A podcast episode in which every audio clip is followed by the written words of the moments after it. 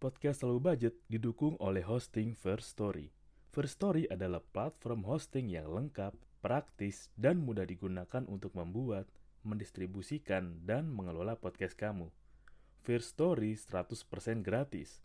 Kamu bisa atur jadwal podcastmu kapan aja, dan kamu bisa distribusikan podcast kamu di semua platform hits podcast di Indonesia.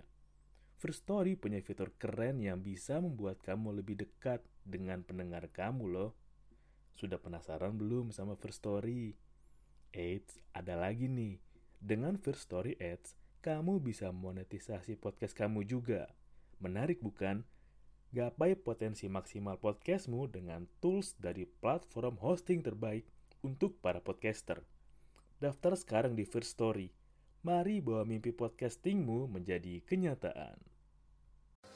Halo semuanya, selamat datang di segmen baru podcast Low Budget, edisi Low Budget Finansial. Di segmen ini gue lebih banyak ngebahas soal bagaimana gue belajar edukasi keuangan, gue belajar bagaimana uang gue supaya mau kerja lebih rajin dari gue, dan gue bagiin beberapa tips dan trik yang udah gue lakuin tentunya, yang udah gue tahu dan gue lakuin untuk ngebuat cara gimana hmm, bahasanya gini. Kalau lo ngelakuin dua lo bisa dapat tiga.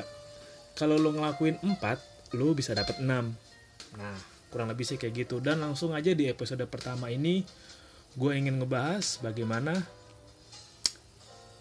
persamaan antara edukasi finansial dan edukasi seks kalau lo merasa edukasi seks dan edukasi finansial adalah salah satu hal terpenting buat dipelajarin, gue cuma bisa bilang selamat datang di klub.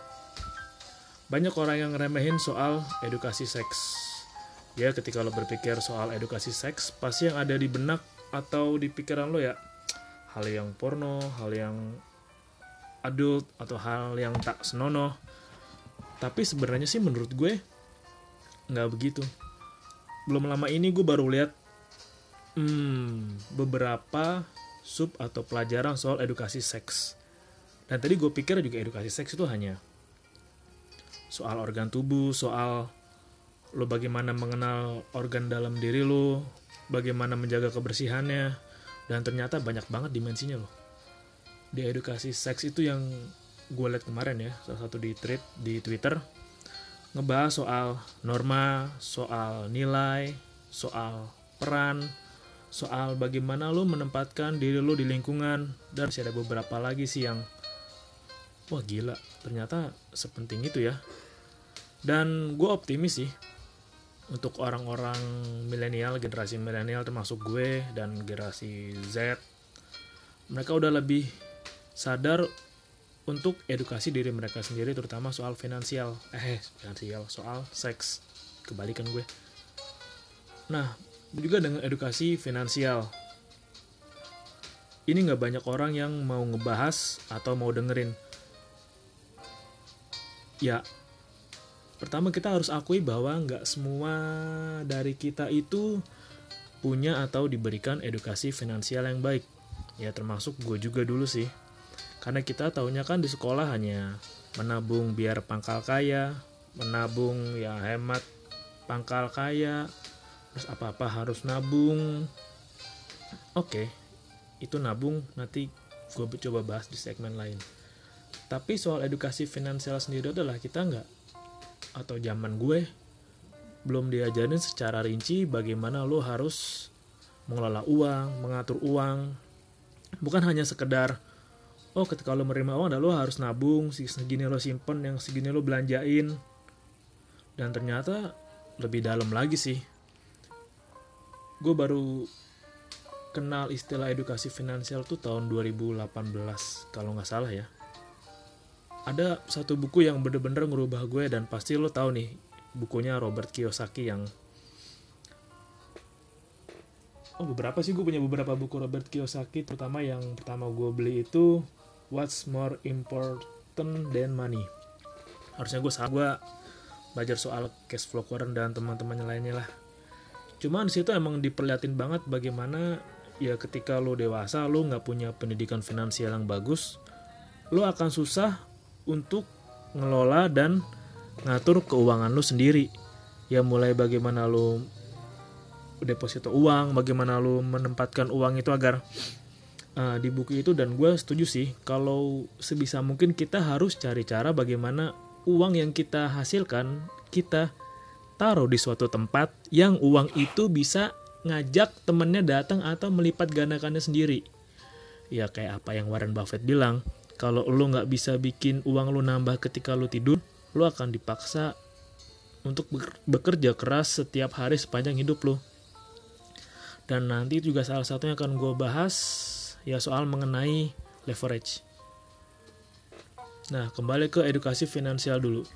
Mengapa edukasi finansial tuh menurut gue penting dan itu harus gue bahas karena gue pingin gue nggak pingin pinter sendiri gue nggak pingin bisa tahu sendiri kalau sebisa mungkin gue bisa bantu orang dengan apa yang gue tahu dan gue sampaikan gue akan coba sampaikan sih yang pertama adalah kalau lo belajar edukasi finansial berarti lo belajar untuk melihat kemungkinan yang tak terbatas lo bisa ke mana pun yang lo mau di Robert Kiyosaki juga bilang sih yang ketika lo tahu bagaimana menggunakan uang lu dengan baik, lu bisa menjadi kaya, lu bisa melakukan hal yang lu suka dan lu bisa menjadi lebih kaya melebihi imajinasi teriar lo sekalipun.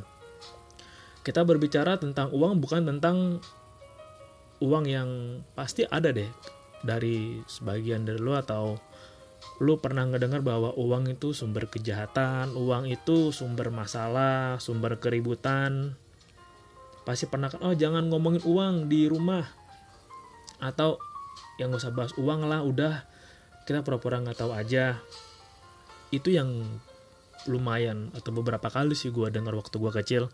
Tapi coba seandainya perumpamaan itu dibalik bagaimana kalau kita bisa gunakan uang yang kita punya untuk membantu orang lain ngebantu sosial atau donasi ke saudara kita yang membutuhkan karena ketika lu berpikir bahwa uang itu jahat, di buku Robert sih juga bilang kalau uang itu tergantung pikiran lu. Kalau emang lu berpikir uang itu jahat, ya lu susah untuk punya uang atau megang uang.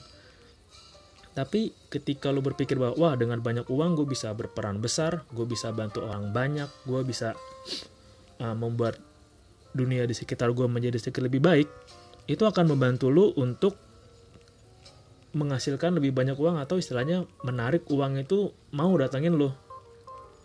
Itu salah satu dasar mengenai edukasi finansial. Itu yang dasar banget. Dimulai dari mengelola kata-kata. Gue setuju banget sih. Kebiasaan dari kita itu terbentuk melalui kata-kata yang kita ulang-ulang dan kata-kata yang kita ulang akhirnya masuk ke alam bawah sadar kita dan mengulang terus lama-lama menjadi kebiasaan kita kan kata-kata yang berulang terus kita ulang lama-lama akan masuk ke alam bawah sadar dan menjadi kebiasaan kita makanya lo nggak usah heran kalau lo ketemu orang-orang yang dalam tanda kutip uh, dia sering berkata negatif atau sering mengatakan yang negatif ke dalam dirinya lo bisa ngerasain bahwa orang itu punya aura yang nggak enak. Pasti. Karena gue udah ngalamin sendiri bagaimana memandang diri atau mengucapkan hal-hal negatif ke diri lo itu bisa bikin lo dikucilin lo nggak apa ya nggak lo nggak menarik sama sekali sih buat nggak cuma buat lawan jenis buat temen lo pun kayak lu siapa sih? Apaan sih lo ya, ya lo loser aja loser. Ketika lo memutuskan untuk mau belajar soal finansial secara nggak sadar lu pasti mulai tergerak untuk cari tahu istilah-istilah atau kata-kata yang digunakan dalam belajar keuangan. Kayak tadi misalkan kayak belajar seks. Itu belajarnya nggak nggak cuma yang ya ini kulit uh, ini penis ini ovarium ini skrotum enggak lagi. Oke, sorry kalau ada sedikit getar. Halo. ngerekam low budget nah lo akan mulai bisa melihat sesuatu dengan cara yang berbeda seolah-olah tuh umpamanya ketika gue tahu bahwa oh ada dunia yang berbeda di sekitar gue ada sudut pandang yang berbeda jauh dekat gue dan selama ini gue ngeliat karena gue menolak untuk cari tahu ya salah satunya dengan gue edukasi diri gue untuk punya kesadaran finansial yang bagus. Lo kayak berada di puncak gunung lu ngeliat sekeliling lu kayak wah anjing gue ada di puncak nih gue bisa ngeliat banyak hal. Gue bahkan bisa ngeliat beberapa hal yang orang lain belum bisa lihat tapi gue bisa lihat. Nah itu tuh dan makanya edukasi finansial itu bukan cuma edukasi diri sendiri tapi masalah mental. Karena lu tahu sendiri kan ada orang-orang yang uh, lu pernah ketemu temen lu yang wah dia orang punya nih orang kaya nih tapi kok kenapa barang yang nggak awet ya? Atau gampang rusak ya? Gampang hilang ya? Itu juga masalah mental masalah alam bawah sadar dan pikiran lo kayak misal lu diberikan kekuasaan dulu bisa diberikan barang yang bagus. Misalnya zaman dulu lu bisa punya handphone yang bagus. Apakah itu handphone cocok sama lo apakah handphone itu bisa gitu lo pakai? Itu tergantung dari diri lo kalau emang diri lo belum siap gitu secara bahasa Jawanya apa ya? Hmm bukan apa sih kayak nggak ajak gitu untuk nerima. Ya itu pasti barang antara rusak lah jatuh lah hilang lah ketika lo mau edukasi diri lo terus dan terus belajar soal kosakata di finansial belajar apa aja sih yang ada di edukasi finansial perlahan tapi pasti sih dan gue udah ngerasain sendiri bagaimana tuh lo mulai nerima atau apa gue gue bingung sih ngejelasin dengan kata-kata. Karena ya lu nggak minder lagi lu nggak malu lagi lu lebih percaya diri dan lo lebih gampang ngutarain pendapat ya karena kalau orang rajin cari tahu dan penasaran pengen belajar lah. Hmm, kata peribahasa dari Turki sih ketika lo suka mencari ilmu ya maka ilmu lo yang melindungi diri lo ilmu itu yang menjadi bekal lo kayaknya gitu kali kata-katanya ya. Nah tetap. Gue susun kata-katanya dulu. Wah gila sih. Karena gini cara dunia bekerja itu udah beda banget nggak kayak di zaman 1920-an ketika VOC lagi ngelobi-ngelobi para orang di sini buat jual lada mereka. Ya atau jual kekayaan alam kita lah ke VOC cara dunia bekerja sekarang ya beda. Ketika lu nggak mau upgrade diri lu untuk terus cari tahu terus belajar lama-lama lu ketinggalan dan lama-lama itu peluang yang depan mata lo ya diambil orang. Sebenarnya banyak juga dari kita kan yang lihat peluang bagus cuma kita bingung eksekusinya. Ya karena kita belum tahu caranya. Biar tahu caranya gimana? Ya lu pelajarin aja hal, -hal baru. Nggak mesti lu wah jadi spesialis dah kalau gue saranin. Coba untuk menjadi seorang generalis sih. Karena dengan generalis kalau buat gue generalis itu lo bisa lebih fleksibel masuk ke mana pun dan ya lo bisa nyantai aja. Kayak lo mau serius ayo. Lo mau bahas A ayo. Kalau di alam edukasi finansial seorang generalis tuh yang oke. Okay, lo mau bahas manajemen? Ayo. Akunting? Ayo. Bisnis? Ayo. Saham? Ayo. Mau bahas apa lagi? Misalkan bahas kripto? Ayo. Pengembangan SDM ayo. Ya banyak hal sih. Ketika jadi jenderal lo bisa berbaur ke mana aja ngomong sama yang levelnya siapa aja yang lebih tua lebih senior dari lo dan ketika lo memutuskan untuk edukasi finansial diri lo banyak banget nilai yang susah digambarin dengan kata-kata. Ya karena lo harus tahu sendiri rasanya sih. Nggak bisa dengan banyak teori ya lu harus baca praktekin baca praktekin salah belajar lagi salah nyoba lagi salah benerin lagi sampai lu nemu formula lu sendiri. Dan lu nyiptain kekayaan lu sendiri. Intinya adalah dengan edukasi finansial perlahan lo bisa tahu dan bisa maksa uang lo untuk kerja keras. Kerja lebih keras dari apa yang lo kerjain sekarang. Jadi lo bisa pensiun lebih dini lo bisa menikmati hidup lebih awal. Emang proses ke sananya nggak gampang. Ya memang ada harganya. Dan kalau harganya gampang ya enak banget dong semua orang bisa. Dan edukasi finansial juga salah satu edukasi yang sumber hidup ya dari lu sekarang sampai lu tua sampai lu mati ya itu akan terus ada perubahan akan terus ada upgrade yang baru hal-hal yang baru yang bisa lu temuin. Jadi itu aja yang mau gue sampaikan di episode pertama persamaan antara edukasi seks dan finansial yang sebenarnya sama-sama agak tabu untuk diomongin di masyarakat terutama nggak tahu sih orang tua angkatan generasi milenial kali ya agak tabu. Tapi gue percaya sih untuk generasi milenial yang udah punya anak seharusnya mereka bisa lebih fleksibel dan terbuka ngomongin soal edukasi seks dan finansial yang dulunya tabu ini. Harusnya sekarang dua hal itu udah lebih ramah dan banyak cara untuk nyampein edukasi dari mereka dan ya harusnya udah lebih melek lah ya supaya kita bisa sama-sama belajar.